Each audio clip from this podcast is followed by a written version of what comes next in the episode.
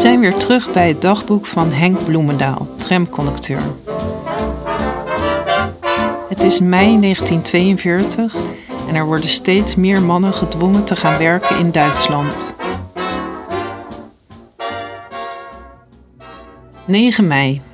Vanmorgen las ik in de krant dat door de zeepschaarste, we hebben zeker al twee maanden geen kruimelzeep meer op de bonnen gehad, voortaan een nieuw soort zeeppoeder zal worden verstrekt. Zal echter alleen gebruikt kunnen worden in koud water. Dat kan leuk worden, wassen met koud water. Wat zal me goed voortaan lekker fris zijn. Het ziet er nu al uit als de kachel. Het uitzenden van werklieden naar Duitsland wordt steeds meer uitgebreid. Iedere fabriek en bijna alle grote werkgevers moeten een aantal mensen afstaan die door loting worden aangewezen.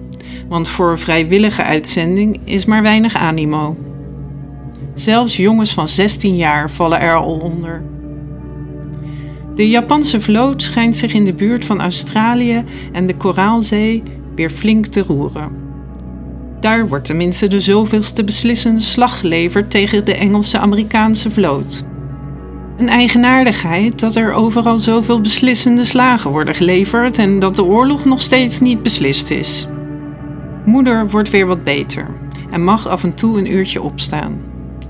Ton heeft een balk op haar klom gekregen en een paar nieuwe gehad. 10 mei. Vandaag is het moederdag.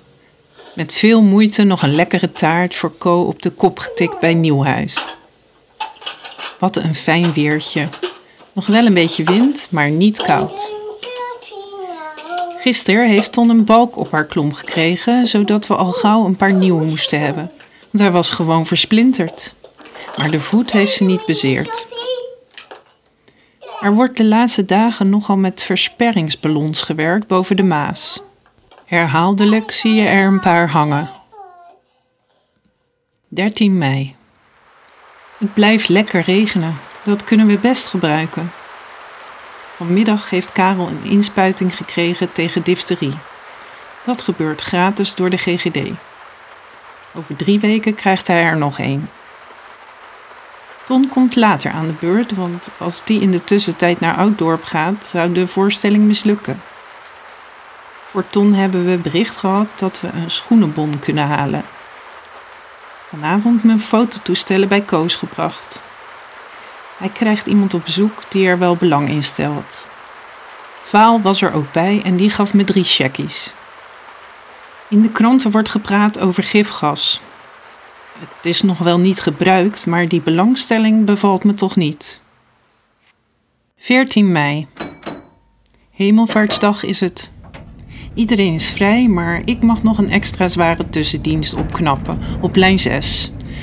Van 12 tot 7. 14 mei twee jaar geleden werd Rotterdam gebombardeerd. Het zal vandaag wel erg druk zijn op Krooswijk. Het weer is voor al die vrije mensen niet zo aangenaam. Het is druilerig en regenachtig, maar niet koud en zonder wind. Ik ben er best doorheen gerold vandaag, de minst drukke baantjes uitgezocht en bij tijds binnen. Om 9 uur 's avonds wordt er zwaar geschoten. Er is echter geen doel te bekennen.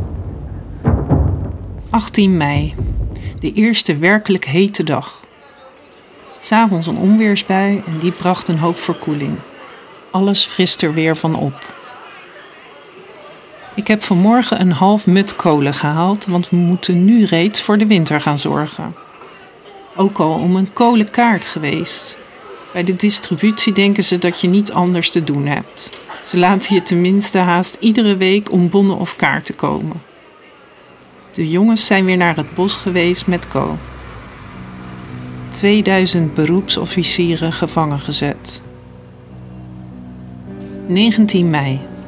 Vanmorgen vroeg opgestaan, want ik heb nog veel te doen, al moet ik pas om drie uur beginnen. Eerst de kinderwagen eens grondig schoongemaakt en kolenwezen bestellen. Alvast vijf mut kunnen we krijgen. Ik heb een nieuw slot gekocht voor de kinderwagen, want het oude hebben de jongens in het bos zoek gemaakt. Zonder slot wordt alles ogenblikkelijk gestolen. Iedereen schijnt tegenwoordig te grappen wat in zijn vingers komt. Er heerst een ware grapepidemie. Vooral fietsen met of zonder slot zijn de heren en de dames naar hun gading. Al staat er één jaar gevangenisstraf op. Het is vandaag veel koeler. Karel begint al aardig te lopen. Nog wel niet los, maar hij sjouwt de hele dag langs stoelen en tafels en staat graag aan je schoot te kletsen. Want ook zijn mond staat geen ogenblik stil. We verstaan hem wel, maar veel verschil tussen vader, moeder, Karel enzovoort is er nog niet te horen. Kruipen doet hij op handen en voeten. Het is niet meer zoals eerst op zijn knieën. Hij heeft nu zeven tanden.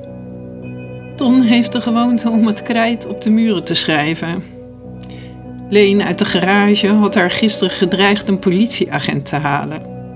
Ton had toen gauw de deur op slot gedaan en ze kwam het vertellen alsof ze zich van geen kwaad wist. Zoiets van: Moeder, ik ga nu maar voor het raam zitten, want dadelijk komt er een politieagent, maar ik heb de deur al op slot gedaan. Vanavond waren er weer condensstrepen te zien. Er werd echter niet opgeschoten. Ook kwamen er een soort ballons overdrijven, maar ze waren zo hoog dat niet precies was te onderscheiden wat het waren. 21 mei. Een emmer vol papierballen gemaakt. Het is nu weer veel koeler en af en toe regent het. Dat gaat zo'n beetje om de andere dag warm, koud, warm, koud. Het boterrantsoen wordt ook weer verlaagd met 15 procent. Om 6 uur een portie bruine bonensoep in de remise gehad. Dat scheelt weer een paar boterhammen. Co heeft van een oude badbroek twee pakjes voor Karel gemaakt. Vannacht is er veel gevlogen, maar niet geschoten. Het is de laatste maanden erg rustig in de lucht, maar het loopt weer naar volle maan, dus zal er wel weer wat te verwachten zijn. Er moeten 29 man van de RET naar Duitsland, allemaal vaklieden, dus wij vallen er voorlopig nog buiten. 26 mei. Het is Pinksteren, maar bloemetjes heb ik nog niet gezien. Er is vandaag veel regen gevallen en ik kwam vanavond thuis als een verzopen kat. Co heeft een half pond olienoten gekocht voor één gulden. Tien keer zo duur als vroeger. Maar de jongens ook een lollige dag. De herbouw van Rotterdam schiet anders maar slecht op. Alleen bij de Goudse Singel zijn een stuk of vier straatjes ontstaan met misschien honderd woningen. Maar ze zijn nog lang niet klaar. Voor de rest zie je niets dan grondwerk en het uitzetten van straten en wegen. En hier en daar wat fundamenten. Maar veel raaks is het niet.